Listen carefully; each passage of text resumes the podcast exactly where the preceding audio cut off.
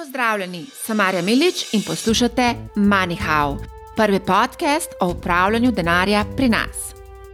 V prihajajočih tednih boste vsi tisti, ki želite plemenititi svoje prihranke, prišli na svoj račun. Čaka vas namreč prava poslastica, saj bomo predstavili različne načine vlaganja, vse od tega, kako začeti in vstopiti na kapitalske trge, do tega, kako izbrati trgovalne platforme, kupovati različne naložbe in kam dejansko tudi investirati svoj denar. Danes bomo govorili o najlažjem načinu vstopa na kapitalske trge in sicer preko vzajemnih skladov. Preden na tej točki izgubim vse goreče zagovornike ETF-ov oziroma skladov, ki kotirajo na borzi, predlagam, poslušajte naprej, saj boste tako morda dobili informacijo, s katero boste še dodatno potrdili svojo naložbeno tezo ali pa morda spoznali nekaj novega, kar vam lahko pride prav pri ulaganju. Najprej pa disclaimer. Vsebino vzajemnih skladov zelo dobro poznam, saj sem zadnjih deset let kot novinarka in urednica mojih financ vodila ocenjevanje vzajemnih skladov pa tudi sicer več kot deset let investiram na kapitalske trge. Začela sem z investiranjem v slovenske delnice. Moj portfelj pa je danes izrazito razpršen med različne naložbene razrede in različne inštrumente.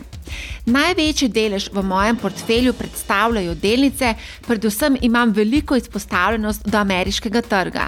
Sledijo ETF-i, alternativne naložbe, manjši del portfelja pa predstavljajo tudi vzajemni skladi. Vanje sem prvič vložila pred leti, ko sem preračunavala, kaj se bolj splača storiti z manjšimi vložki, recimo nekaj desetaki, ali investirati v ETF ali vzajemne sklade. Izračun je bil takrat popolnoma drugačen kot je danes, ko imamo možnost preko tujih trgovalnih platform relativno z nizkimi stroški kupovati ETF-e. Preden se poglobimo v vsebino vzajemnih skladov, pa še nekaj uporabnih informacij. Nekatere bodo ETF privržence morda tudi presenetile. Najprej pa. Pri nas vzajemne sklade ponuja pet družb za upravljanje: NLB skladi, Triglav skladi, General Investments, Sava Infond in Primorski skladi. Tudi nekatere banke ponujajo sklade tujih upravljalcev, recimo Moreja, Amundi, Eurizon in tako dalje. Na trgu je čez palec okoli 200 različnih vzajemnih skladov, ki se razlikujejo glede na različne naložbene razrede. Ločimo delniške, obvezniške, mešane in denarne. In ti skladi imajo različne naložbene politike. Nekateri so globalno razpršeni, drugi osko usmerjeni na posamezno, recimo panogo, kot je tehnologija ali zdravstvo, ali regijo, recimo Ameriko, Tajsko, Evropo. Bolj ko je sklad nišen, bolj je tvegan. Vzemni skladi se nahajajo pod eno streho, ki se imenuje krovni sklad. In ta krovni sklad je na nek način davčna oaza, saj se lahko sprehajamo med različnimi podskladi, brez da bi točke vzajemnega sklada prodali in plačali davek. Ne boste verjeli, tisti, ki precej pogosto trgujejo z ETF-i oziroma letno unočujejo dobičke, bi morda morali razmisliti, da bi to počeli v sklopu krovnega sklada vzajemcev. Saj na vkljub visoki upravljalski proviziji deluje tu davčni ščit v korist vzajemcev. Toda pozor, to ni primerno za tiste, ki niste trgovalci. Kako smo to izračunali, bom tudi objavila na družbenih omrežjih, zato me spremljajte, prisotna sem na praktično vseh. Za tiste, ki ne trgujete, pa še enkrat, če gledamo samo z vidika stroškov, ETF premaga vzajemne sklade. Toda pozor, ne pri vseh višinah uloženega zneska in kot omenjeno, frekvenci obračanja portfelja. O ETF-ih pripravljamo poseben podcast, zato se naročite na MoneyHow, da ne zamudite. Če menite, da bi lahko ta vsebina koristila vašim prijateljem, sorodnikom, znancem, sosedom, prosim, posredujte podcast naprej. In še vabilo, če želite debatirati z nami o investiranju, se nam lahko pridružite na Discord kanalu MoneyHow, povezavo najdete na mojem YouTube kanalu oziroma v opisu podcasta. O kritiki vzajemnih skladov in lastnostih leteh se bom pogovarjala s Krunom Abramovičem, predsednikom Združenja CFA Slovenije in predsednikom uprave NLB skladi. Zdravo, Kruno. Zdravo, Marja. Krono, poznava se zagotovo vsaj deset let. To nekako ocenjujem na podlagi tega, da sem celo desetletje vodila ocenjevanje vzajemnih skladov. V tem času se nisva vedno strinjala, s čimer pa ni nič narobe. Kaj ne? Tle se pa strinjam, ja. da ni nič narobe. Eh, Krono, imaš najdaljši staž kot predsednik uprave DZU-ja pri nas. Vse od skoraj začetka bikovskega trenda si na tem položaju, torej iz leta 2009, skupaj torej dobrih 12 let, čestitam. Hvala. V tem času se je veliko stvari zgodilo, recimo pred desetimi leti je bilo 12 domačih DZU-jev, danes je le še pet teh DZU-jev. Dogajalo se je tudi precej na borzi. Lahko morda z nami deliš za začetek kakšno borzno anegdoto, ki ti je najbolj ostala v spominu? Jaz sem osebno dobrih. 20 let izkušenj, od samega začetka sem pri družbi NLB skladil in sem predtem delal tudi v investicijskem bančništvu NLB-ja. Še prej pa, recimo, mogoče, če začnemo v oddaljeni preteklosti, anegdoto, sem delal pa še kot študent uh, v poslovalnici za izvedene finančne inštrumente, takrat je obstajala še blagovna borza v Sloveniji in takrat si kot študent moral narediti tudi tako imenovano nalogo povezano s strokovno prakso. In so mi dali pač, da malo analiziram, kakšen je trg teh terminskih pogodb v Sloveniji. Trgovalo se je predvsem takrat s futuresi na ameriški dolar, nemška marka, to je bila glavni trade, ki se dela na blagovni borzi. Vendar, kot zanimivost, takrat sem kot študent ugotovil, da je delež takrat nove Ljubljanske banke v odprtem interesu, to, to je en pač pojem na blagovnih borzah, čez 50 odstotkov, kar pomeni, da pogosteje kot v vsakem tradu je bila udeležena Ljubljan, Nova Ljubljanska banka. Takrat. To je takrat celo začudilo moje nadrejene oziroma zaposlene v poslovalnici in ni nenavadno, da potem kako leto zatem je šla ta inštitucija v stečaj, tudi zaradi tega, ker očitno ni bilo pravih tržnih udeležencev takrat, da bi sploh eh, zagotovili ustrezno likvidnost in s tem pač uh, rezon de veter uh, takrat tisti blagovni borzi. Še preden sem se zaposlil, sem že imel eno anegdoto. No, evo, vidiš, super.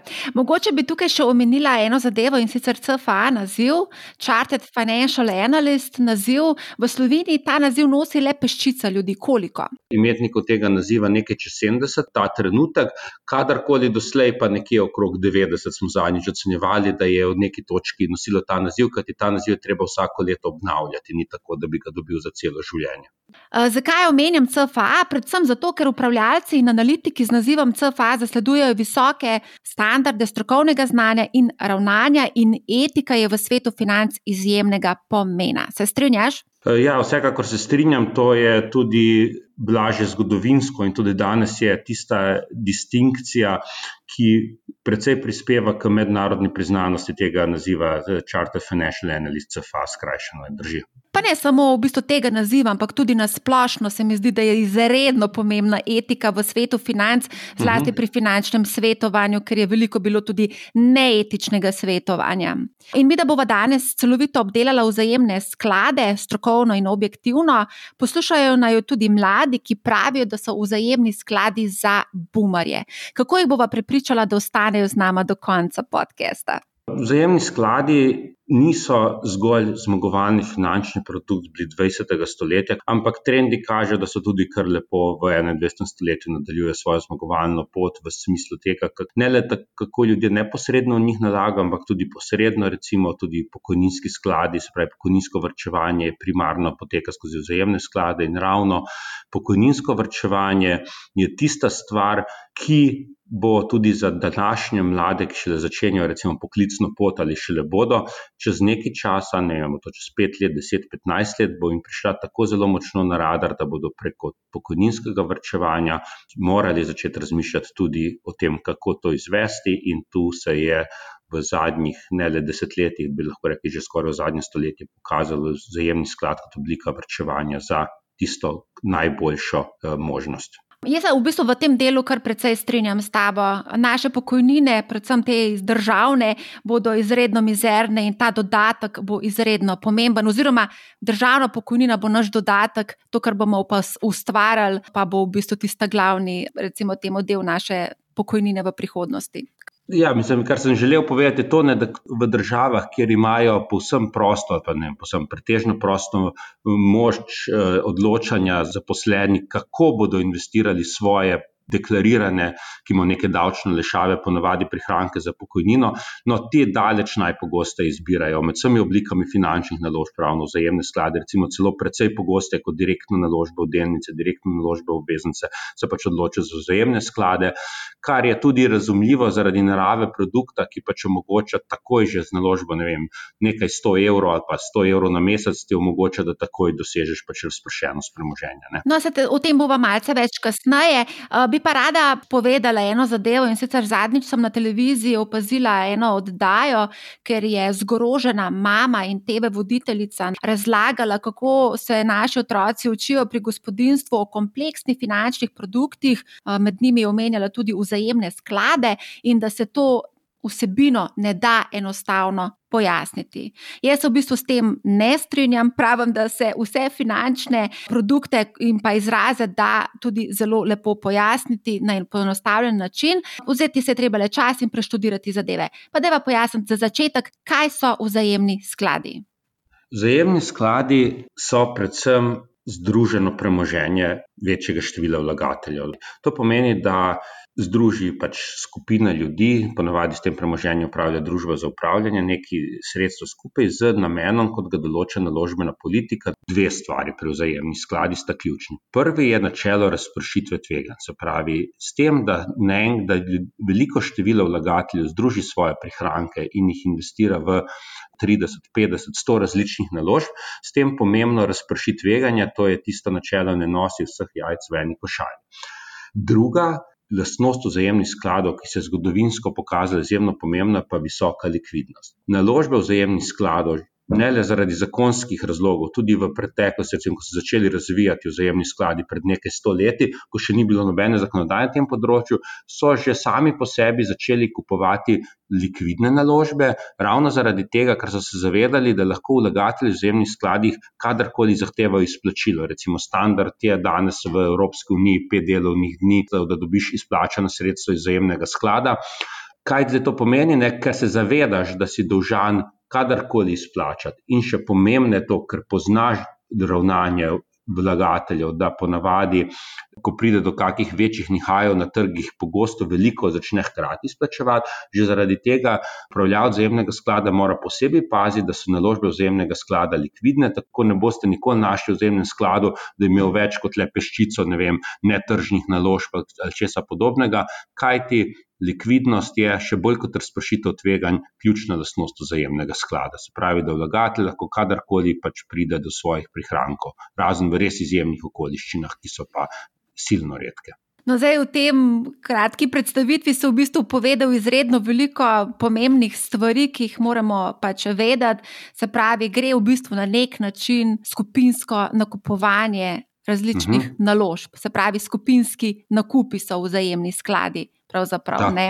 Upravljalec je pa v bistvu tisti človek, ki gre s to košaro v nakupe. Različnih naložb, kupi malo Amazona, pa malo Microsofta, in pa 20 ali pa 30 ali pa 40 drugih delnic.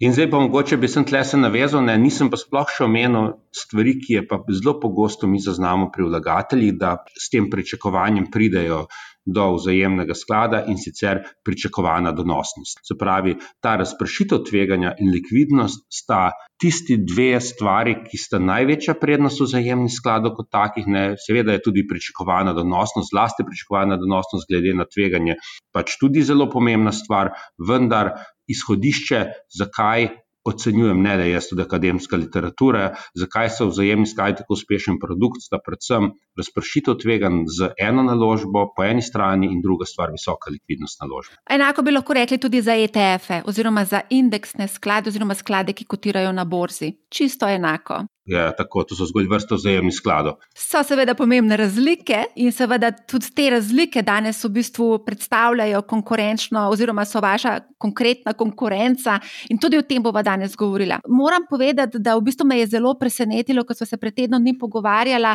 si omenil, da si prebral knjigo o zgodovini razvoja vzajemnih skladov. Mislim, da si omenil, da je 300 let že obstajajo vzajemni skladi. Uh mhm. -huh. In moram priznati, da ne poznam veliko ljudi, ki bi za zabavo ali pa prosti čas prebirali takšne knjige tako da ti čestitam. No, mislim, konkretno sem rekel, da sem zopet vzel v roke, ne se pravi, nisem niti prvič prebral. No, tako da to so take stvari, ki se mi zdi, da je prav, da veš eh, o, o zadnjih, odkot recimo, vem, izvirajo pač produkti, ki jih uh, tudi sam profesionalno ponujaš. Ne. Je pa zanimivo, ne, se pravi, te začetki segajo na nizozemsko, pač v zlato dobo pač razcveta nizozemskega mednarodne trgovine in se predvsem takrat so iskali sredstva, ker so vlagatelji opažali, ne, kako je uspešni so recimo po eni strani nasadi plantaže sladkornega trsa v takrat recimo sedajni Srednji Ameriki, pa recimo severu Južne Amerike, današnje. Po drugi strani ne, pa ravno zaradi tega, ker je bila nizozemska tako pešna kapitalistična država v času, ko večina še ni dosegla stopnje kapitalizma drugih evropskih držav, so bile pač generalno obrestne mere niže na nizozemskem kot drugot po Evropi in so se zato z veseljem vsi razni kralji od Španije do, do Avstrije do Rusije zadolževali na nizozemskem takrat in so bila druga oblika oblika so bile pač po eni strani naložbe v plantaže sladkornega trsa, po drugi pa državne obveznice in iz teh so sestavljali vzajemne sklade. Ok, uh, kar veliko zanimivih stvari. Greva zdaj na 21. stoletje. Uh mhm. -huh. Marsikdo namreč meni, da bo vzajemnim skladom odklenkalo, močna konkurenca vzajemnim skladom so zagotovo ETF-i, Exchange Traded Fund oziroma skladi, ki kotirajo na borzi. Kaj odgovarjaš izzivalcem? Kar se bo zgodilo, je nekako, po mojem mnenju, to, da uh, so pač tako ponudniki nekih aktivnih naložbenih produktov, kot pasivnih, oboje delujemo na trgu prihrankov in prihranki prebivalstva se bodo, vsaj v recimo, vem, razvitem svetu, v razvijajočih se državah, pa še bolj, se bodo vsaj še nekaj desetletij skoraj zagotovo večali.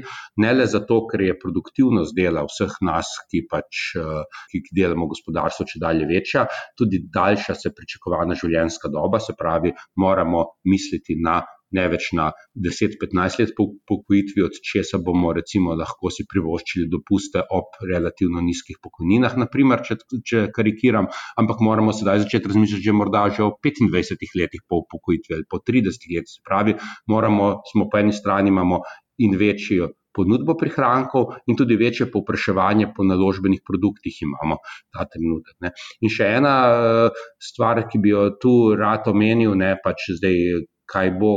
Česa ne bo, ne je tudi uh, dosti pomembno, v katero smer se bo zapeljal, recimo, če se zdaj omejimo na Slovenijo, slovenski pokojninski sistem. Ne.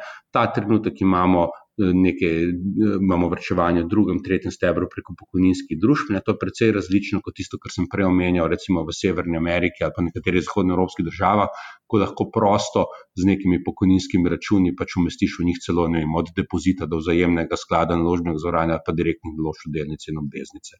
Se pravi, vsi skupaj delujemo na nekem trgu, kjer po eni strani vemo, da ta trg raste, po drugi strani so zahteve pa ne samo regulatorjev, tudi samih vlagateljev, potem, da jim primerno pojasnimo ključne lastnosti produkta, se pravi, kakšna je pričakovana odnosnost glede na tveganje, kakšen je sploh profil stranke, koliko je pripravljena tvega, vse to ugotovi in se šele potem stranki predlaga pač primerna naložba, so te zahteve če dalje večje. To pomeni, da bo se razvila niti ne toliko samo industrija pač nekih ponudnikov, panoga ponudnikov finančnih produktov, se bo zelo, še bolj se bo relativno verjetno razvila panoga finančnih svetovalcev.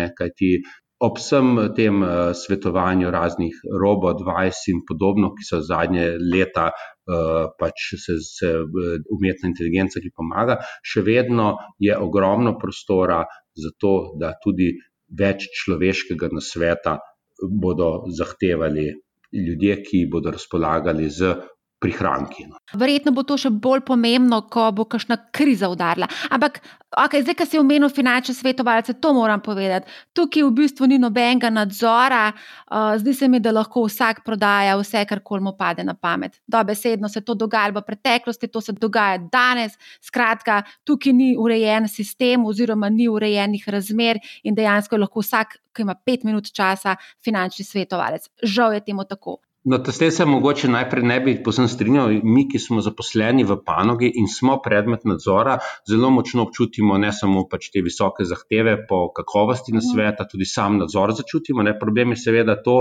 da lahko tudi v tem, recimo, neregulirani pač ponudniki, tudi pač vsak lahko reče, jaz sem finančni svetovalec, ne? kar samo po sebi ni nič narobe, ne? ampak je to za sabo potegniti, bi moralo potegniti določeno odgovornost. Absolutno, definitivno nosi odgovornost za svoje dejanja. No, mhm. ampak zdaj, ko govorimo o ETF-ih, najprej je treba povedati, da so te vzajemni skladi, kot si ti sam rekel, vezani so na indeks, indeks pa je že sestavljena košarica. Recimo najbolj znani ameriški SP 500, ki ima v svoji sestavi kar 500 največjih ameriških podjetij, recimo nemški DAX jih ima 30 delnic, slovenski SBI Top pa recimo 10 največjih slovenskih delniških družb. Za razliko od vzajemnih skladov so pa rekli, da ETF-i kotirajo oziroma so vrščeni na borzo. In glavna razlika med ETF in ozemnimi skladi je tudi pač način nakupa naložbe, potem način upravljanja naložbe, imamo aktivno, pasivno in pa seveda. To, kar je najbolj boleče za marsikaterega vlagatelja, so stroški.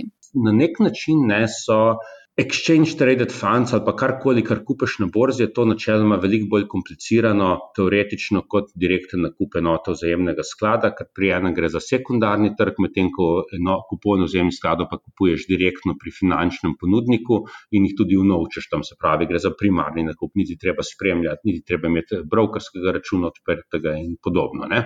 Tudi samo nakazilo, doskrat enostavno je, recimo, standard je plačilo po neznani vrednosti, se pravi, ti izhajaš iz tega pri vzajemnem skladu imam naprimer 5000 evrov in nakažeš 5000 evrov vzajemni sklad.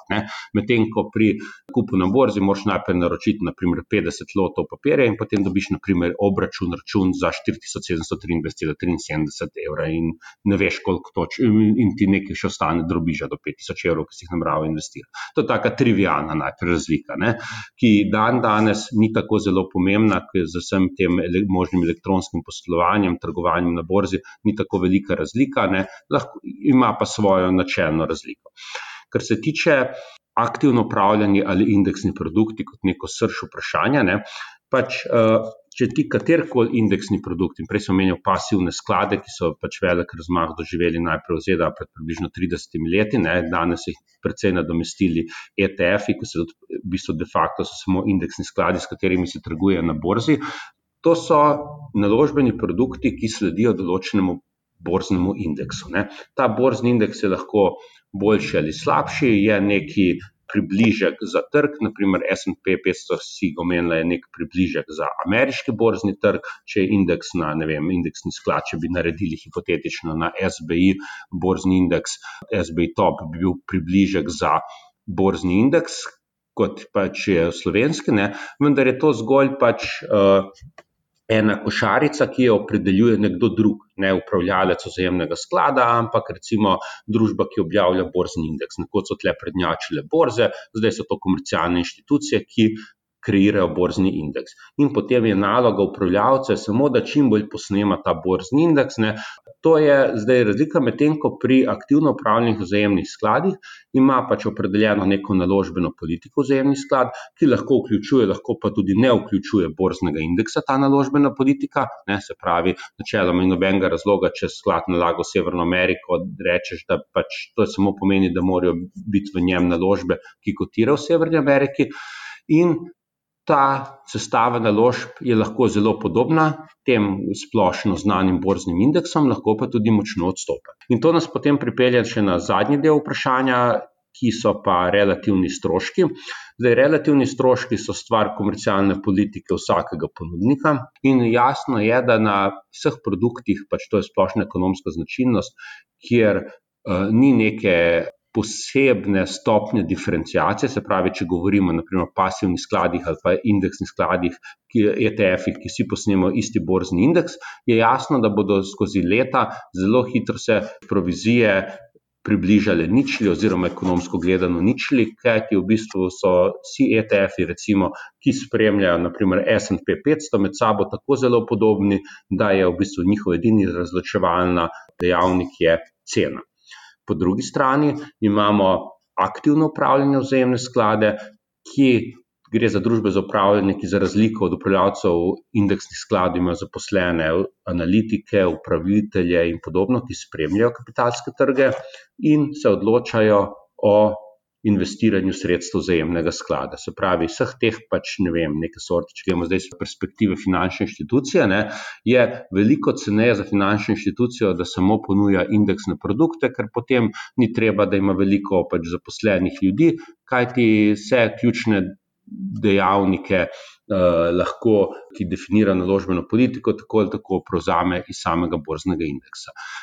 Zdaj, v praksi se to pokaže tako, da imajo indeksni skladi praviloma precej niže provizije uh, od aktivno upravljanih podskladov, tako da to je gla, nekje glavna razlika. Ja.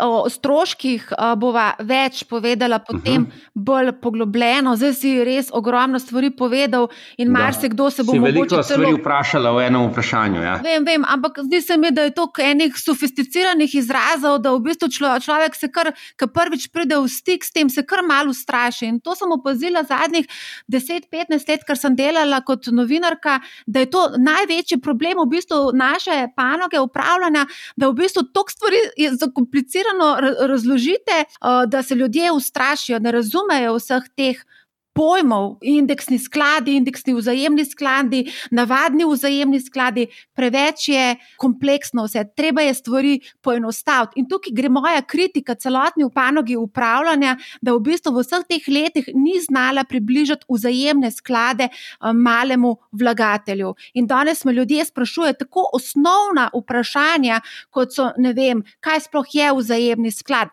zakaj bi sploh investiral v vzajemni sklad, kaj pa če bi jaz reinvestiral v ETF, ker je sosed Janez tudi investiral v ETF in prav, da se to veliko bolj splača, kot pa da dam tem našim upravljalcem provizijo 2% in ne vem kaj. Tako, greva mi dva bolj poenostavljeno stvari razložiti, ker drugače bova zgubila tri četrt ljudi že na začetku uh, podcasta. Dajva zdaj pojasniti, kaj se trenutno dogaja na trgu vzajemnih skladov.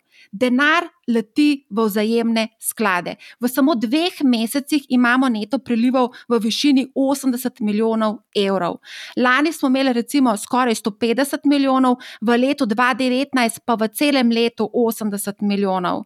Rekordno leto je bilo leto 2007, ko je bilo neto vplačil za kar 430 milijonov evrov, mesečno to pomeni slabih 35 milijonov.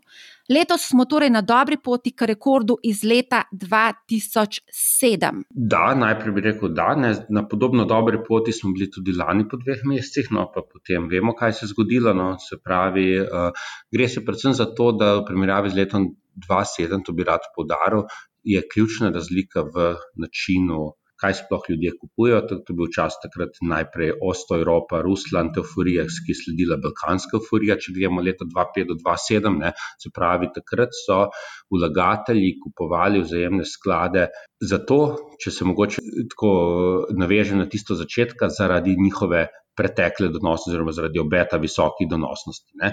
In seveda ta zelo špekulativno kupovanje se je takrat tako tem vlagateljem, žal kot celotni panogi, zelo, zelo narobe obrnilo. Medtem ko danes. Če gledamo, ljudje, vlagatelji v Sloveniji kupujejo precej dolgočasne produkte, ne tako obvezniške sklade, celo sklade denarnega trga, dobro razpršene delniške sklade. Tako da tu zdaj lahko že počasi govorimo o pravem vrčevanju v zajemnih skladih, pri čemer pa se vsaj meni osebno to ne zdi, da je neke so zelo visoke vrednosti, če jih postavimo v kontekst celotnega obsega prihrankov ali pa recimo prihrankov v depozitih slovenskih gospodinstv. Ne. Še vedno se Slovenci relativno izjemno malo poslužujemo teh oblik naložb. Lahko je to zaradi tega, ker se nam še vedno zdijo tuje, lahko se to mogoče zato, ker imajo mnogi slabe izkušnje ravno iz krize, izpred najprej iz leta 2006-2007 z temi balkanskimi, potem so še mogoče kdaj vmes kaj se opekli. Tako da uh, pravega vrčevanja, razmaha, sicer se, se izboljšujejo razmere, vendar še ni tistih, recimo, da če delaš primerjave z državami, podobno razvitimi, s podobnim obsegom prihrankov, kot so recimo razne ne, Portugalske, Španije in podobne, v Sloveniji še vedno bistveno manj naložb v vzajemne sklade. Tako da, če bi rekel, gledano deset let naprej, ne se nam letošnje leto zagot, skoraj zagotovo ne bo zdelo nič posebnega. Upam. Leto 2007 smo si vsi zelo dobro zapomnili. Tudi takrat so v bistvu vsi upravljalci premoženja napovedovali nadaljno rast, nič ne more ustaviti. Letos poslušamo optimistične napovedi tudi iz ust upravljalcev.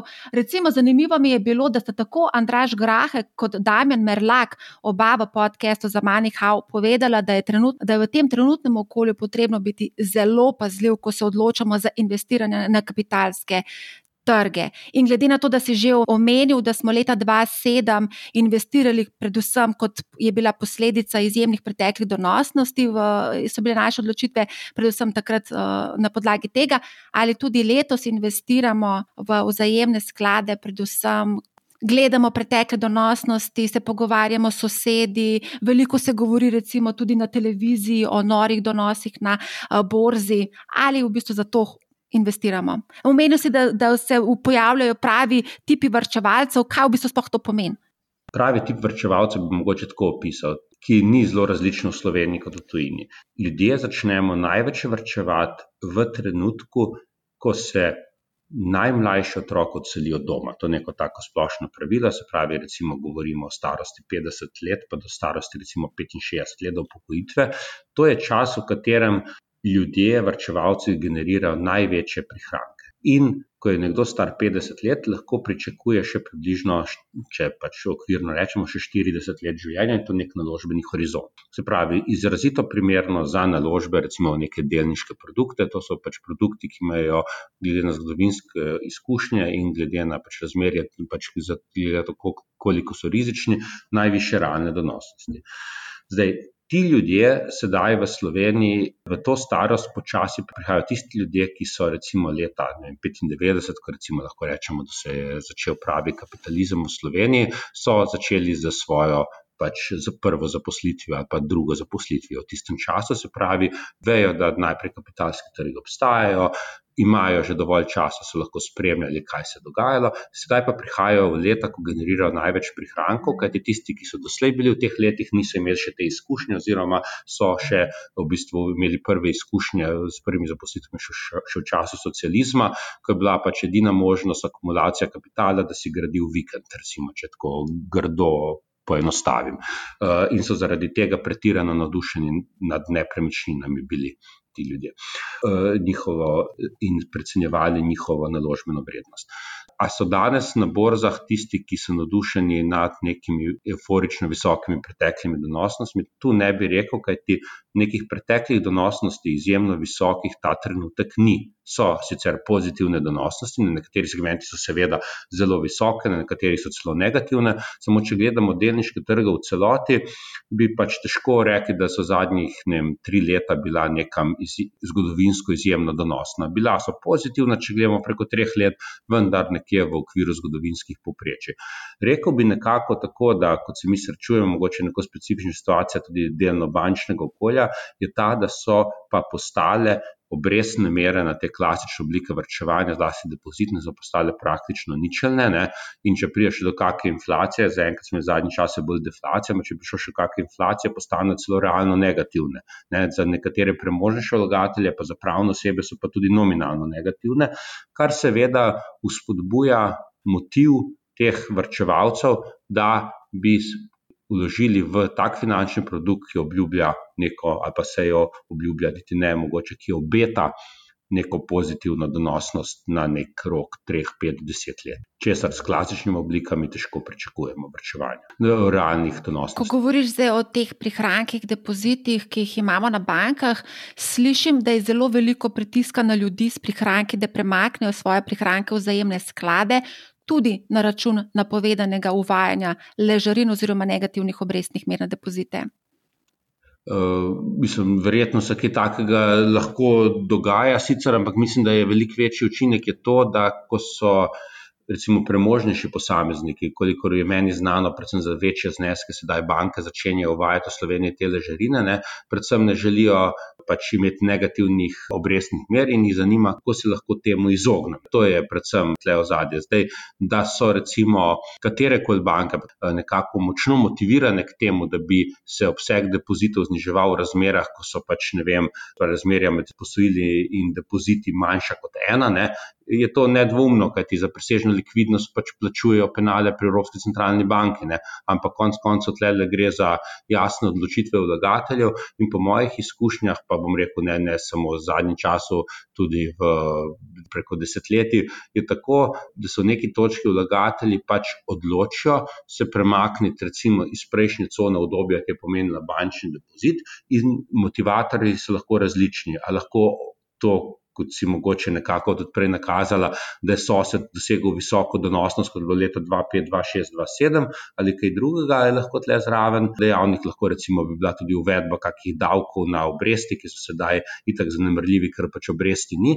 Lahko se pa zgodi tudi negativno obrestne mere, ampak eh, stvar je taka, da stališča vlagatelja, ne, trenutne, recimo, ničelne obrestne mere ob rahli deflaciji, so v bistvu še vedno realno pozitivna donosnost. Največja težava je, kaj se bo zgodilo z inflacijo, če sedaj sklenem nek dolgoročni depozit. In tega se vlagatelji bojijo. Lahko poveš, koliko denarja v poprečju vloži mesečni vrčevalec in koliko tisti, ki vlagajo večje zneske?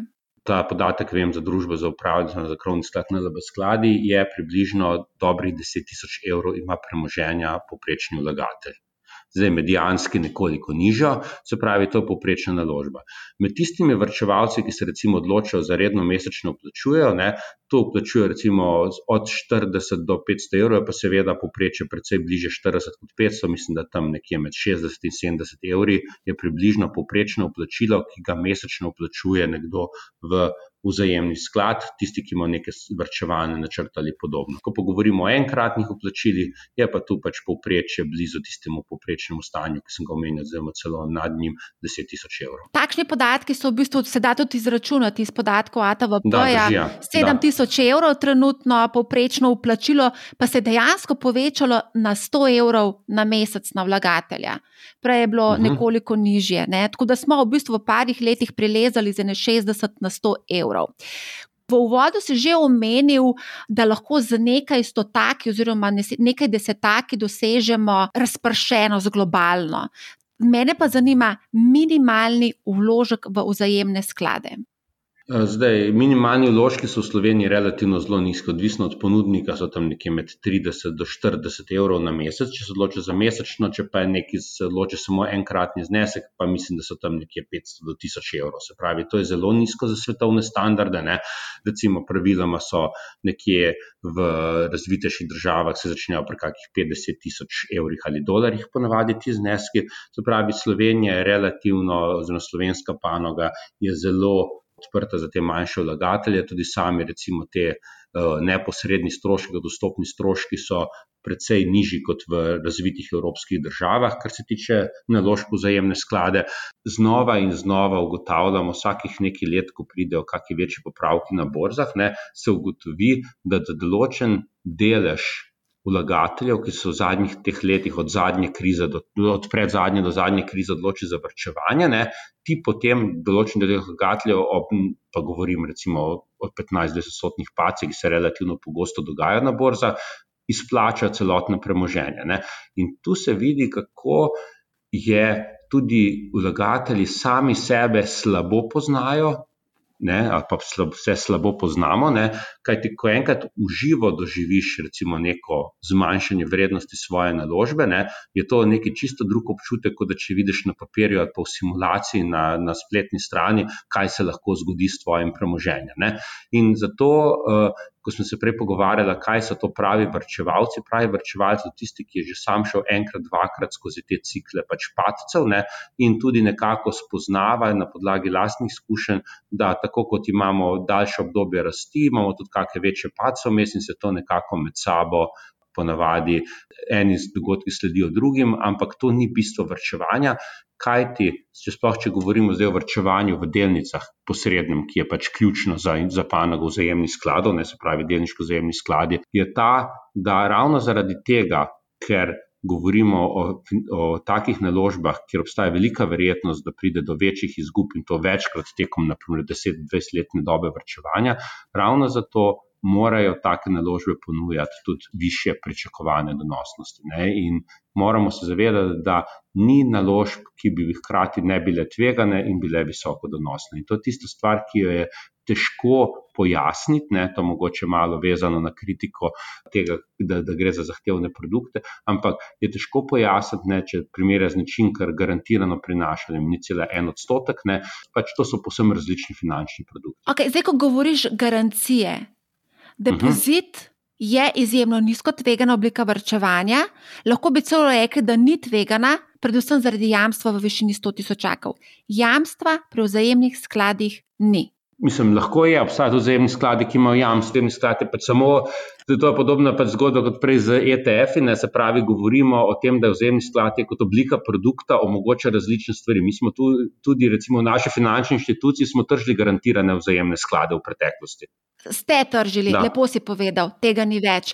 Garantir, ga, garancija stane, uh mhm. -huh. vse stane, kar pomeni, vsak strošek ti znižuje donosnost. Tako da jaz v bistvu ne bi govorila o stvarih, ki jih ni. Torej, govoriva o vzajemnih skladih, ki so danes tu in tukaj ni garancije. A je tako? Mislim, ni, ni, ni jih tu v Sloveniji ta trenutek, no, ampak eh, povpraševanje vedno obstaja po takih produktih. Ne, imamo tudi, ne vem, ne na zadnje, tudi kakšne naložbene police, ki imajo neke delne garancije, ki so dosti podoben produkt ne, se pravi, obstajajo, ampak se strinjam s tabo, no, da v bistvu ta trenutek to niso ključna naložbena oblika vzajemnih skladov. Ja, Tle se pa strinjam. Naložbene police so posebna tema, to si bom z veseljem vzela veliko časa in razložila tudi naložbene police, ker imam zelo veliko zapovedati tudi na to temo.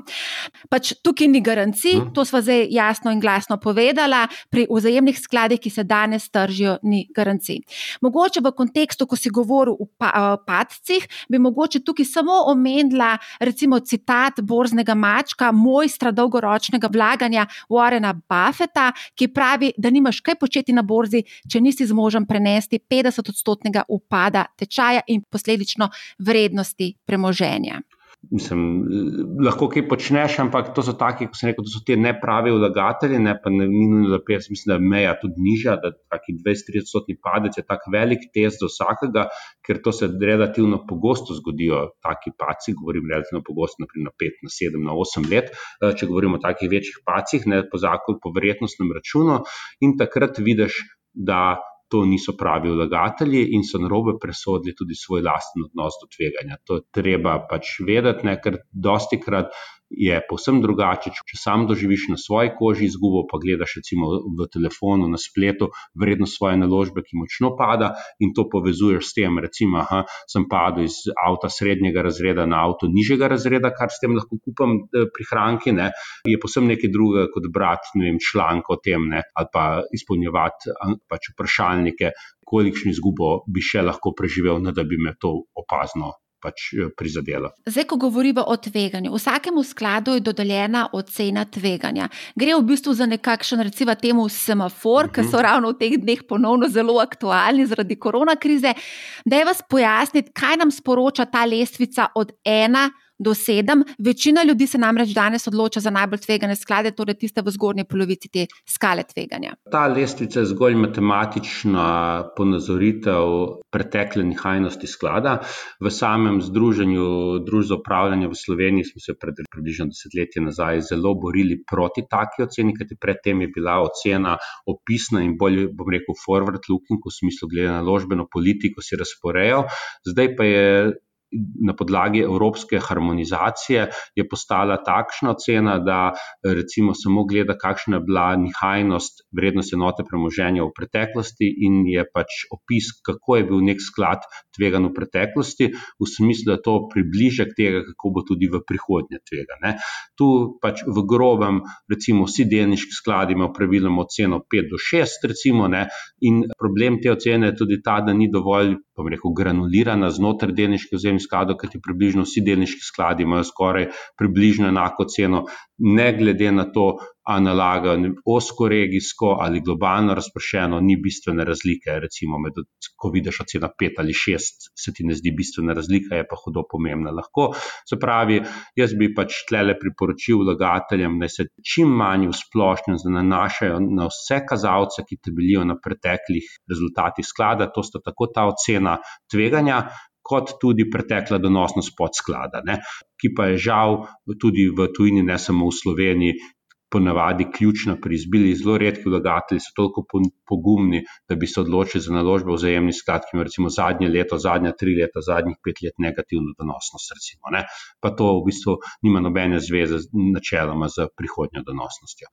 Tako da raje naj si pogledajo opis naložb vzajemnega sklada, kakšen je, kam ta sklad nalaga in če to ustreza njihovi naložbeni politiki, pri čemer je bil glavni nasvet ta, čim bolj dolgočasne naj bodo te naložbene politike, skladi naj bodo čim bolj razpršeni, kajti osko usmerjeni skladi praviloma nimajo nič više pričakovane donosnosti, ampak imajo celo nekoliko nižjo ponovadi, ker ti vroči produkti imajo ponovadi tudi nekoliko više provizije, pa bolj tvegani so. Nekako osebna izkaznica vzajemnih skladov je tako imenovani uh -huh. KIT oziroma ključni podatki za vlagatelje. Tam izvemo v bistvu vse te ključne da. informacije, ki si jih tudi že omenil.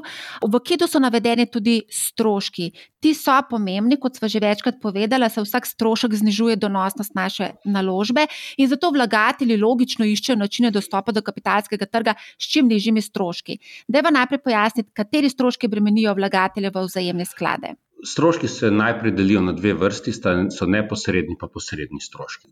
Veliko pomembnejši so posredni stroški, čeprav neposredni so tisti, ki jih vlagatelj, so stopni in stopni stroški, ki jih vlagatelj še najbolj se jim zdijo prijemljivi. To je, to je najprej, se pravi, stopni stroški, tipično bom rekel, je nek standard Zahodne Evrope, ZDA so 5 odstotkov, medtem ko recimo v Sloveniji nek standard do 3 odstotke, praviloma precej nižji stopni stroški, medtem ko stopni so običajno precej nižje dostopni. Vendar za vlagatelje eh, je pa so veliko pomembnejši posredni stroški. Zakaj? Zaradi tega, ker se vse čas obračunavajo v breme sredstev sklada in s tem znižujejo donosnost za vlagatelje v sklad in tudi donosnost samega sklada.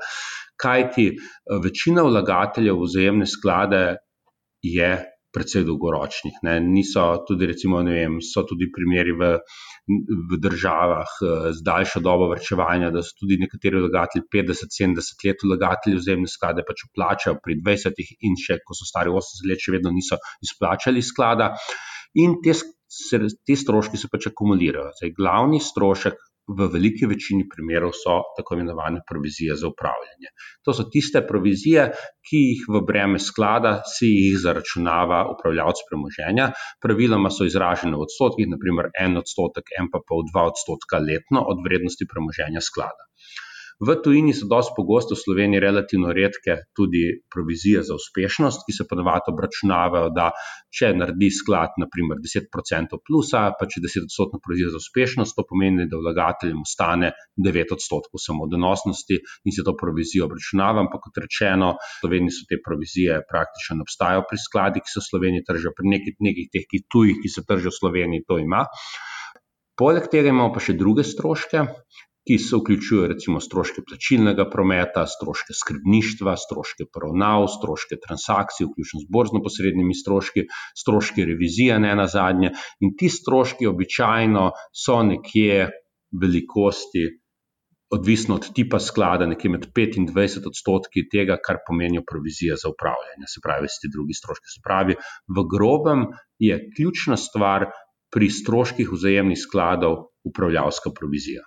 Okay. Deva sam večkrat ustati pri vstopnih stroških, ravno z uh, enim razlogom in sicer vstopni stroški so nekako vsebinsko podobno božno-posredniški proviziji. Mogoče tukaj eno pojasnilo. Delnice in ETF-e, ki kupujemo v Evropi preko recimo trgovalnih platform, kot je recimo Interactive Brokers ali pa CapTrader in drugi, imamo vseeno neke uh, minimalne provizije v višini recimo 4 evre, ponekod tudi več. In pri vzajemnih skladih praviloma so ni minimalnih provizij, so odstotkovne za te vstopne in stopne stroške, bi pa nekaj drugega povedal, zlasti v kontekstu stopnih stroškov. Klasičen evropski model nakupovanja finančnih produktov je tak, da Mislim, 100 odstotkov stopnih stroškov je bilo namenjeno plačilu te storitve, se pravi, samega storitve svetovanja oziroma nakupa. Ne. To je podobna stvar kot recimo strošek odobritve kredita, ko jemliš kredit, se pravi, tak enkratni strošek in je namenjen pokritju tega stroška.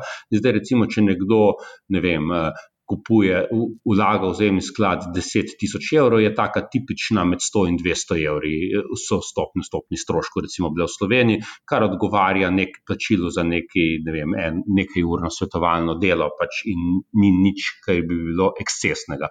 Tudi podobno bom rekel, tudi sama struktura vstopnih stroškov, če pogledamo praktično posod po Evropi, je podobno in tudi v Sloveniji ni razlike taka, da več kot uplačaš, niže imaš stopnjo stopnih stroškov, kar efektivno pomeni, da ta plačilo za stopne stroške ne narašča niti približno proporcionalno uplačenemu eh, znesku, kar spet odraža ta porabljeni čas in izkušnje in plačilo za nasvet finančnemu svetovalcu. Ljudje, po mojih izkušnjah, ogromno ali pa bistveno preveč pozornosti namenjajo vstopnim stroškom. Kajti, če ti se enkrat postaviš v odločitev, bom deset let vrčeval v delniškem vzajemnem skladu, kar je recimo nekoliko več kot priporočena doba vrčevanja, in recimo, so dvodstotni vstopni stroški, to, je, to pomeni ni celo dva odstotka na leto, če to raztegneš v deset let. Ne. In to je pač kar naenkrat postane očitno, da je to relativno manj pomemben strošek, in so veliko pomembnejši stroški, so pač provizije za upravljanje. Absolutno se s tem strinjam. Želela sem samo pač povedati, da, kot si sam povedal, za vstopne stroške plačaš 100 evrov, oziroma 200 evrov za nasvet, za ETF plačaš recimo 4. Ne, pri ETF-u nobenega nasveta ne dobiš, to je pa pomembna razlika. Ja, to, to, to, pa to, pa je, to pa je čisto neprimerljivo med sabo. Ne? Kaj ti v bistvu vzajemnih skladov je to, to, da imaš finančnega svetovalca, ki so si, ki vse te, ki tržijo slovenske in tuje, pač legalno tržene vzajemne sklade, morajo praviti tudi izobraževanja, pridobiti dovoljenje Agencije za trg vrednostnih papirjev in zagotavljajo nek nivo znanja. In še pomembneje, zagotavljajo, da ko boš imel kakšno reklamacijo, ko boš nezadovoljen, da lahko čez leto, dve prideš tja in vprašaš, ne vem, za kaj sem tle storil na robe, ali pa celo, če so pač, eh, vem, svetovalci, ki na robe naredili, upravljavci, da tam daš reklamacijo in podobno. Ne. To je pač povsem neprimerljivo z nekim samostojnim nakupom eh, nečesa, ker sploh na sveta ne dobiš. Se strinjam. Mladi sicer mislijo, da tega ne rabijo in zato se odločajo tudi za ETF-e. Upravljalske provizije. Goreči zagovorniki ETF-a pravijo, da so upravljalske provizije pri vzajemnih skladih nesramno visoke. Za recimo delniške vzajemne sklade je potrebno odšteti od 2 do 3 odstotka upravljalske provizije, pri ETF-u pa ti znašajo od nič cela ena oziroma nič cela dva odstotka, torej desetkrat manj. Zdaj, nekaj smo že o tem povedali, aktivno, pasivno upravljanje. Zanima me, ali se lahko zgodi v bližnji prihodnosti, da bodo te stroški upravljalske provizije se znižale. Sam težko rečem, da bodo zagotovo padle, si pa upam reči, da bodo verjetno tako kažejo tudi recimo, izkušnje iz, iz drugih držav v Evropski uniji, recimo, ki so mogoče začele skladi 10-20 let pred nami, vzajemnimi, recimo, pa še več pred nami.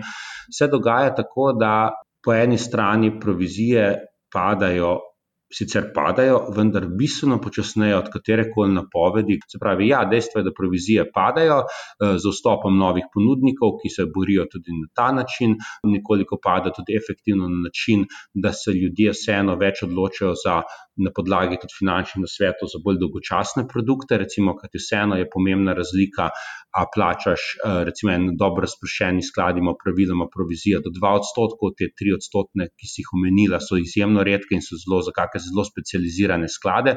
Se pravi, vlagatelji se če dalje pogosto odločajo tudi za dobro razpršene podsklade. Tako da bi se kar strinjal s tem, da bodo najbrž res, bom rekel, ne samo provizije, ne pač tudi celotni stroški za, za vlagatelje, bodo verjetno padali. Ampak po drugi strani je tudi res, da tudi pač eh, na strani panoge ne, sta dva dejavnika. To pod ena je verjetno večanje stroškovne učinkovitosti, ponudnikov in del te stroškovne učinkovitosti gotovo lahko na vlagatelje prenesejo. Eh, in pa tudi ne na zadnje, kar ni nepomembno, je tudi večanje premoženja, eh, obsega premoženja v upravljanju. In ko enkrat dosežeš pač več obsega, večje prihodke kot družba za upravljanje, lahko ponudiš neke nove produkte, nagovarjaš nove vlagatelje, ki so morda bolj cenovno občutljivi. Mogoče bi tukaj pač zelo poenostavljeno tudi še eno zadevo predstavila in sicer, če vložimo 1000 evrov v ETF in 1000 evrov v vzajemni sklad. Cilj je, da globalno razpršimo premoženje, ker o tem hmm. govoriva že praktično eno uro. Eh, in za primerjalni indeks, se pravi, ima vzajemni sklad, recimo MSCI World, medtem ko ETF sledi tudi indeksu MSCI World. In če govorimo tle v kontekstu stroškov upravljalske provizije in tudi vstopnih stroškov ter doseganja zahtevane donosnosti, zagovorniki ETF-a trdijo, da bo se pravi ETF ustvaril 7 odstotkov recimo na leto, tako kot indeks, medtem ko bo vzajemni sklad zaostajal za indeksom zaradi višjih skupnih stroškov. Torej, ETF 7, vzajemci 5 odstotkov. Iz 1000 evrov v ETF-ih po desetih letih nastane skoraj 2000, v vzajemnih skladih pa skoraj 1600 evrov. Razlika gre torej v korist ETF-a in sicer slabih 25 odstotkov. Je pa res, da daljše, ko je obdobje držanja naložbe, večja je potem tudi ta razlika v privrčevanem znesku, recimo po 20 letih skoraj 50 odstotkov pač eh, možno kot vsak argument ga na več načinov prikazati. Ne. Zdaj ta temelji na tem, da bodo v povprečju dosegli aktivno upravljanje skladi tako donosnost pred stroški kot MSC World, kar bo isto dosegel tudi ETF. Ne. Zdaj ni bistvo naložbe. Lahko se obrne ta argument v smislu, da ko kupiš ETF, ti že vnaprej veš, da boš recimo za 0,2 odstotka zaostal za MSC World. Medtem, ko se odločiš aktivno upravljanje v vzajemnem skladu, pa imaš upanje ali pričakovanje, da si izbral takega upravljavca, ki bo premagal ne le samo stroške, ampak bo tudi po stroških imel zame višjo donosnost. To je nekje motiv, zakaj se odločiti eh, za aktivno upravljanje vzajemni sklad. A te lahko mogoče samo na tej točki mečkano stavim, ko govoriš o tem upanju? Da. Kakšno pa je to upanje? Zdaj statistika kaže, da številni vzajemni skladi ne dosegajo, niti ne presegajo benchmarke, ki se jih sami postavijo. Recimo 10 do 15 odstotkov je takšnih skladov vsako leto, ki doseže oziroma preseže primerjalni indeks. Eh, so različne ocene, odvisno od naložbenih politik, ne, seveda je to možno, ampak, eh, ampak je pa tudi tako, da uh, ni vse v benchmarku. Ne, kajti benchmark je lahko dober, ali pa ni tako dober, tudi to je ena stvar, ne, ki je tle treba povedati. So pa zraven še kakšne druge zadeve v igri, ne, se pravi. Ponavadi, recimo, ETF-ji so zlasti razširjeni, recimo, če začnem na drugi strani, v Združenih državah Amerike. Ne? Uh, tam so iz, iz, veliko bolj recimo, popularni, relativno kot v Evropski uniji. To pa tudi zato, ker je tam model se, se pravi, sam eh, model panoge finančnega svetovanja drugače strukturiran, je tam tako, da sicer je res, da so provizije izjemno nizke na teh indeksnih produktih, kot so ETF, indeksni skladi in podobno, vendar tam vlagatelji plačujejo letno, ne vem, strošek sveta, ne vem, pol procenta letno svojemu finančnemu svetovalcu sredstvu, ki jih imajo v upravljanju. To je ena zadeva. Ne? Druga zadeva, ki je, je ta, da to niso čisto pač primerljive stvari, kot sem rekel, ti kot aktivni upravljalec enostavno sploh ne moreš ponuditi nečesa za tako nizkimi stroški, kajti ti imaš le tim, imaš analitikov, upraviteljev, moraš tudi ne na zadnje uh, plačevati za ne, njihove pisarne, računalnike, dostop do analiz, dostop do Bloomberg terminalov in podobnega. In že zaradi tega je logično, da so stroški višji, seveda pa je tako naš cilj. Je dost izravnan s cilji strank, se pravi, da si želimo čim višjih donosnosti. Se pravi, ne gre se za to, da bi bili stroški čim večji, zato da bi s tem se škodovalo strankam, ampak se gre za to, da so te interesi precej izravnani družb za upravljanje strank. Vsi si želimo čim večje donosnosti, vsi si želimo, da naši upravitelji, analitiki znajo identificirati tiste naložbe, ki bodo nadpovprečno donosne in v takem upanju ali pričakovanju nekako upravljamo premoženje.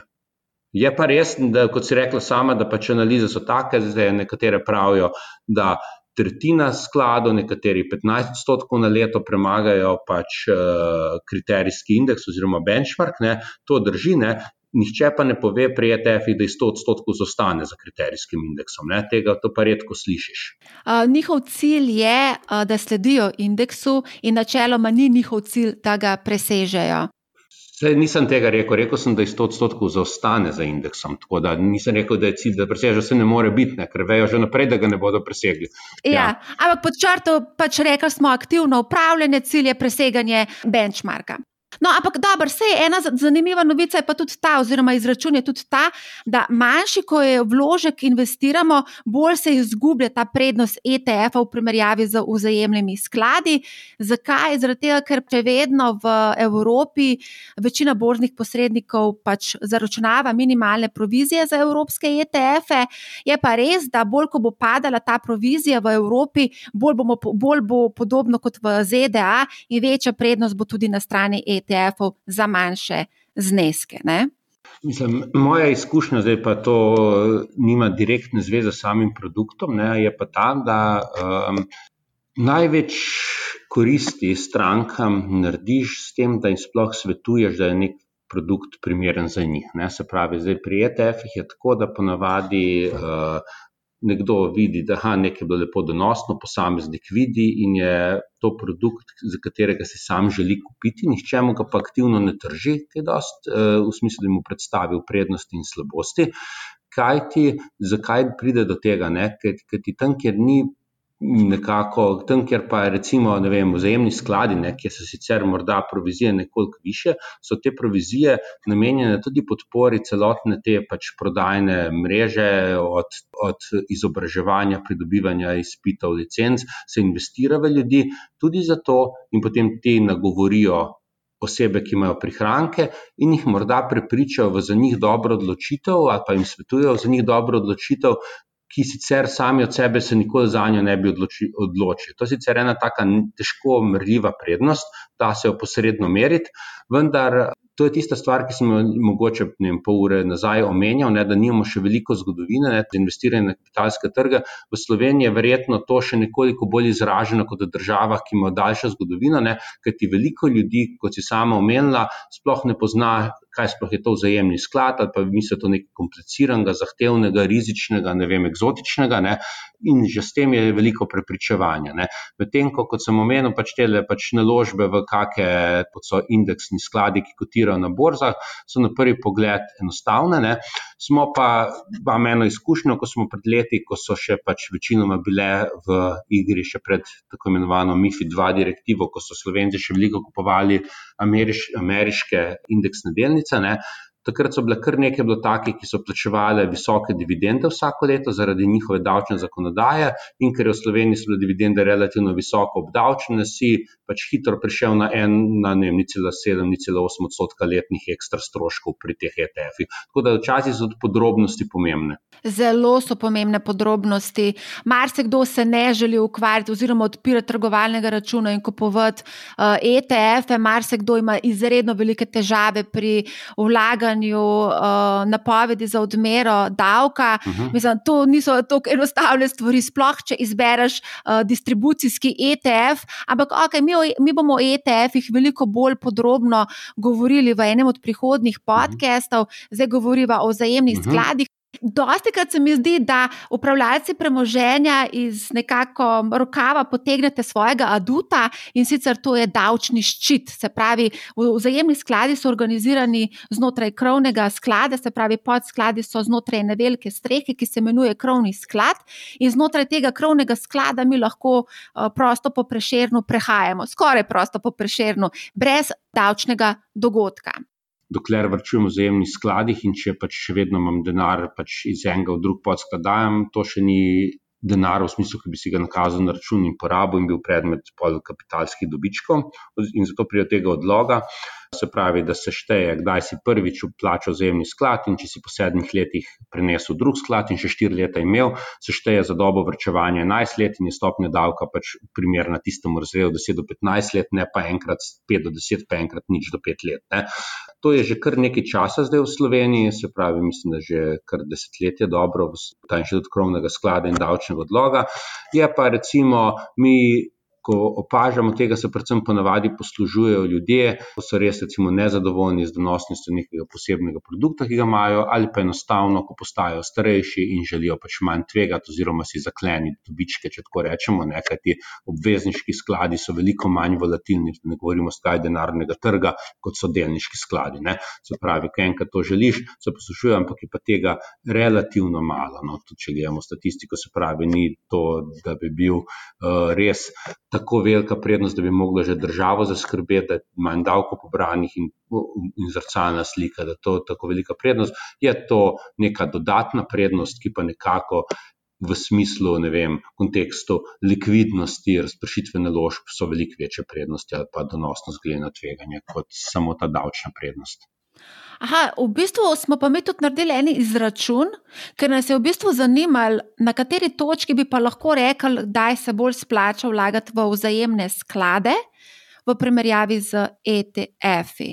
In smo dejansko tudi našli en način, sicer je ta mal, mal bolj tak, eh, recimo adrenalinski ali pa skoraj težko dosegljiv. In sicer, da bi v bistvu vsako leto prilagajal oziroma rebalansiral svoj portfelj znotraj krovnega sklada, ker krovni sklad v tem primeru deluje kot nekakšen offshore ali pa davčna uh mhm, -huh, oaza. Ja, to je scenarij. V finančnem sektorju, pa če greš kakšen scenarij, da, da želiš nekim scenarijem prikazati, da je ena oblika boljša od druge. Ponavadi je tako, da uh, ja, večja kot je volatilnost in večja kot so pač zahtevne realizacije nekih kapitalskih dobičkov, slabše bo to zakrat za te naložbe, ki nima davčnega ščita. To je posem jasno. No. Že vnaprej gledano, sicer te konkretne analize nisem videl, no, bi mogel pogledati, ampak sem videl že veliko podobnih stvari v preteklosti.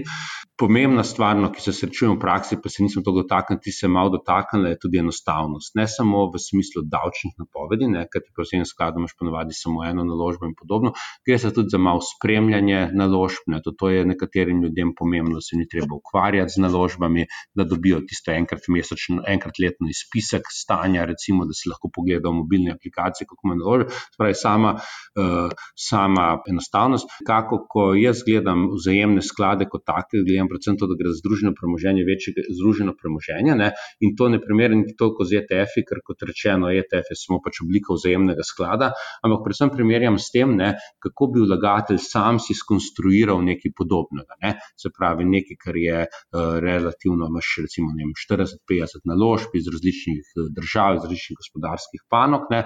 in to je pa skoraj misija nemogoče za mehne vlagatelje, da ne naredijo. Ne? Tako da ja, razumem to, kar si rekla za, za mehne vlagatelje, da bodi si ETF ali vzajemni sklad, ampak, ampak v bistvu oboje je združeno premoženje vlagateljev. Ne gre se samo za to, kakšen je način konstrukcije, ne? da dobiš pri ETF-ih nekaj enostavnega zdraven produkt, ki je stroškovno, sicer nizko stroškoven, vendar tudi, pač, kot sem rekel, ne že pač, uh, samo pač zgolj, zgolj in samo sledi indeksu, minus pač teh sicer mehkih stroškov, ampak to je to, kar dobiš pri indeksnem skladu. Vzemni sklad pa vse daje nek obet, neke dodane vrednosti, ponavadi tudi ponudniki.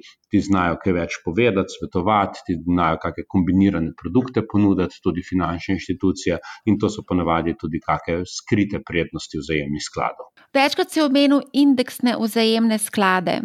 Te imamo tudi pri nas v Sloveniji, trenutno so zelo aktualni Amundijevi, tri indeksni vzajemni skladi, ki se pri nas tržijo in sicer zaradi tega, ker pač trenutno so brez vstopnih stroškov in uh, sicer znašajo vstopni stroški tam okrog 4,5 odstotka, ampak celotni stroški upravljanja so pa le neč cela 3 odstotka. Zakaj recimo slovenski DZU-ji ne naredijo indeksnega vzajemnega sklada? Verjetno bi predvsem rekel, da pravega popraševanja po indeksnih produktih v Sloveniji ni. No. Tako da, tudi če se gleda statistike, koliko slovenci kupujejo tudi tujih vzajemnih skladov, bodi si v obliki indeksnega sklada, aktivno upravljenega ETF ali podobno, je tega relativno malo. Tako v, primer, mislim, v primerjavi z zneskom, ki je v aktivno upravljenih vzajemnih skladih. To je najprej. Druga stvar je pa tudi ta, ne, da običajno ne, tipičen vlagatelj v katerkoli indeksni produkt, tudi ETF, bo rekel, tudi velika večina denarja v ETF-ih, prihaja se strani institucionalnih vlagateljev, ki imajo sami know-how in oni vidijo kot neke sorte gradnike, lego kocke, te ETF ali pa indeksne sklade in si sami sestavljajo določene izpostavljenosti, ne, se pravi, jih ne jemljajo to kot naložbe same po sebi, ampak kot neke poceni gradnike in sami skrbijo za ta del dodane vrednosti v celotnem procesu upravljanja premoženja, recimo, govorimo o pokojninskih skladih, kakih zavarovalnicah in podobno. Tako da, kdaj bo, ko se bo pojavilo povpraševanje, kako, bo, kako bomo vedeli, da je povpraševanje, če se bodo taki produkti uspešno ponujali, eh, prodajali, če bo povpraševanje po njih.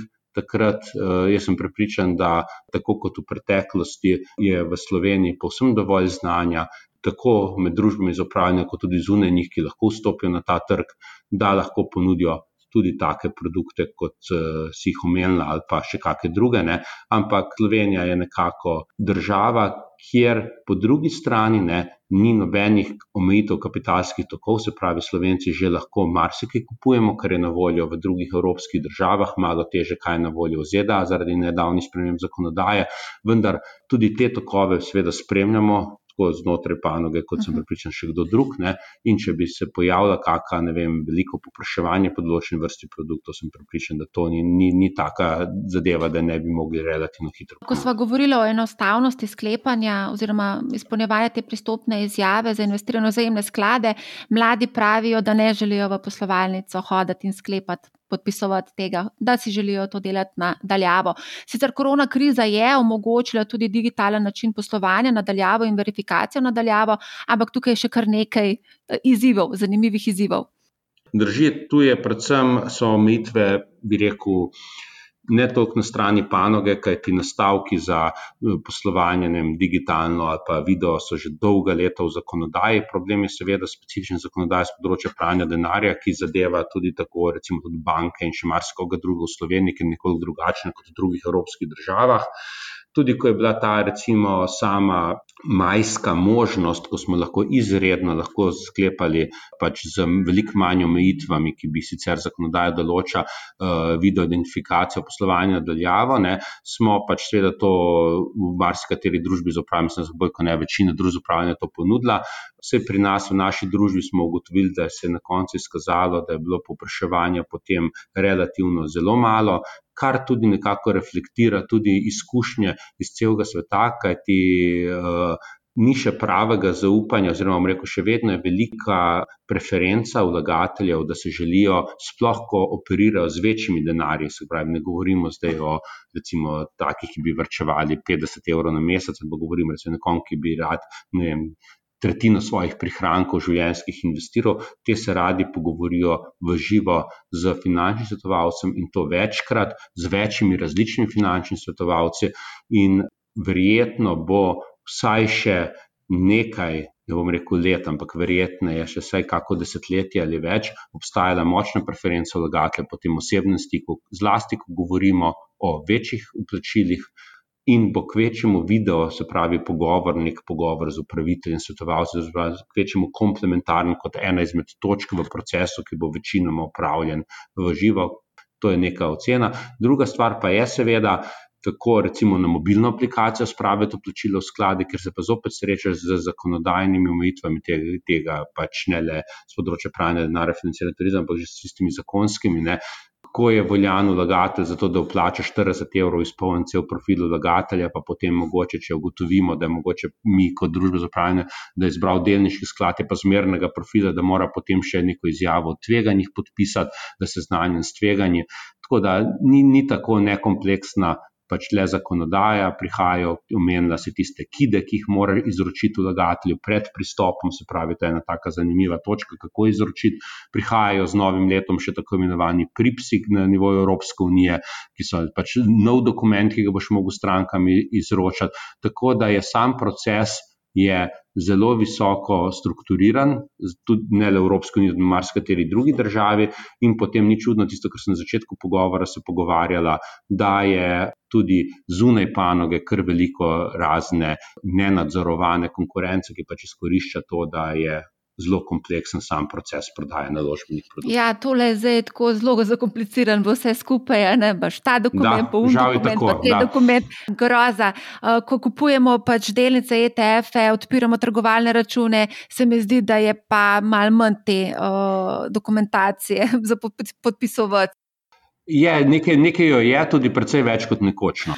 Okay. Um, a greva samo uh, še za konec uh, pogledati na trge. Omenil si, da je dodana vrednost aktivno upravljanje vzajemnih skladov, da za UI vsako leto pripravite strategijo. Lahko pozameš, kakšen je tvoj pogled na trg, katere regije, panoge so zanimive in zakaj? Vsaka družba za upravljanje ima verjetno svoj pogled. No, pri nas smo tako zaradi nizkih obrestnih mer, kot zaradi pričakovanj, da se bo povečala gospodarska rast, zlasti naklonjeni razvitim eh, kapitalskim trgom, veliko bolj kot trgom v razvoju. Tudi menimo, da v nekem srednjem roku se bodo tudi obrestne mere morale povišati, skladno tudi z rastjo morda inflacije, kar pomeni, da nismo preveč naklonjeni konzervativni naložbi, oziroma smo v naših mešanih eh, naložbenih produktih izraziti višjo težo dano delniškim naložbam. To je nekje v grobem kot neka ključna stava. Všeč nam je bila še, recimo, so nam bile zelo prociklične panoge v tem trenutku, z seveda izjemo, morda manjšo zaradi visokih vrednoten panog, visoke tehnologije in, in sorodnih panog, ki so v zadnjem letu močno zrasli. Lahko mogoče si specifičen, katere so te prociklične panoge, ki so vam všeč? Tipične so take, kot so kapitalske dobrine, spravi govorimo o investicijski opremi, govorim o recimo tudi lahko delno energetski panogi, vse, kar je recimo povezano z infrastrukturo in s tem, kar podjetja kupujejo. Krona, mogoče za konec še na svet, kako naj vlagatelj v množici vzajemnih skladov izbere svoje vzajemne sklade? Predvsem bi predlagal, da jih izbere čim manj. No. Prednost je krovnega sklada, se pravi, da ponovadi večina ponudnikov, če ostane samo pri enem, ne, ampak tudi to ni tako pomembno. Predvsem bi rekel, da je bolje izbrati dva dobro razpršena vzajemna sklada kot deset specifičnih vzajemnih skladov, ker na koncu z desetim specifičnim dobiš skoraj isto zgodbo, samo draže, kot če bi kupil dva dobro razpršena vzajemna sklada. Tle bi mogoče svetoval, da bi velik ponder dal tudi pogovoru z finančnim svetovalcem, kako mi pove stvari, kaj mi pove, in uh, mogoče tudi koliko izkušenj ima. Kaj to pomeni, da svetuješ, da gre od enega DZU do drugega DZU in malo preveri, pretestira, kakšen nasvet dobi pri enem, pri drugem?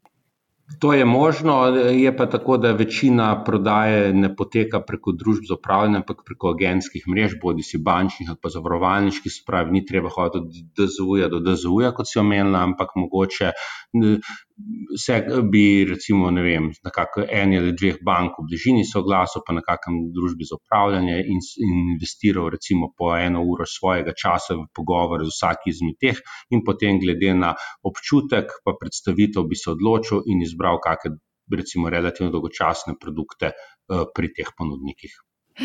Dodal smo kar veliko krat omenila te mhm. dolgočasne produkte. Upam, upam, da vse vlagatelji ne bodo izgubili motivacije za investiranje. Tako, mislim, da smo veliko povedali o vzajemnih skladih. Eh, Kruno Abramovič, predsednik Združenja CFA in predsednik uprave NLB skladi, najlepša hvala za izčrpne, bogate odgovore, polne zgodovinskih podatkov. Iskrena hvala. Hvala tudi tebi, Marja, in vsem poslušalcem. Adijo. Za zaključek pa še mojih 5 centov. Če nimate znanja ali želje vlagati preko trgovalnih platform v indeksne sklade oziroma ETF-e, potem je vseeno bolje investirati na kapitalske trge preko vzajemnih skladov, kot pa da denar desetletja kopičite na banki. Krono je svetoval, da izberete čim manj skladov in čim bolj dolgočasne, torej globalno razpršene. Pri izbiri družbe za upravljanje pa je zagotovo pomembno, da upoštevamo tudi stroške, še zlasti, kot je bilo večkrat omenjeno v podkastu, višino upravljalske provizije. Ti stroški niso vedno enaki med skladi in DZU-ji. Vsi stroški so tudi javno objavljeni, ne le stroški, pomembna je tudi kakovost upravljanja. Kot omenjeno, večina skladov ne preseže cilja, ki si ga sami zastavijo, oziroma ne presežejo tako imenovanega kriterijskega indeksa. Recimo, ko gledamo pet globalno razpršenih delniških skladov, preverite donosnost na tri, pet, deset let in se osredotočite na sklade, ki so stalno v ospredju. To praviloma pomeni, da bolje sledijo trgu. Poglejte njihove upravljalske provizije, izberite dva ožja kandidata in se z vsakim od DZU-jev pogovorite. Če že plačujete za storitev svetovanja, jo izkoristite. Bodite radovedni in ne vrčujte z vprašanji. Če niste opozorjeni na vsa potencijalna tveganja, potem mogoče niste na pravem naslovu. Razmislite tudi o tem, da bi sklenili vrčevalni načrt, ki ga ponujajo skoraj vsi DZU-ji. Mesečni znesek dajte na trajnik. Ne gledajte vsak dan tečajnice, rezultati se bodo pokazali na srednji in dolgi rok. Vseeno bodite aktivni pri izobraževanju, branju, spremljanju trgov.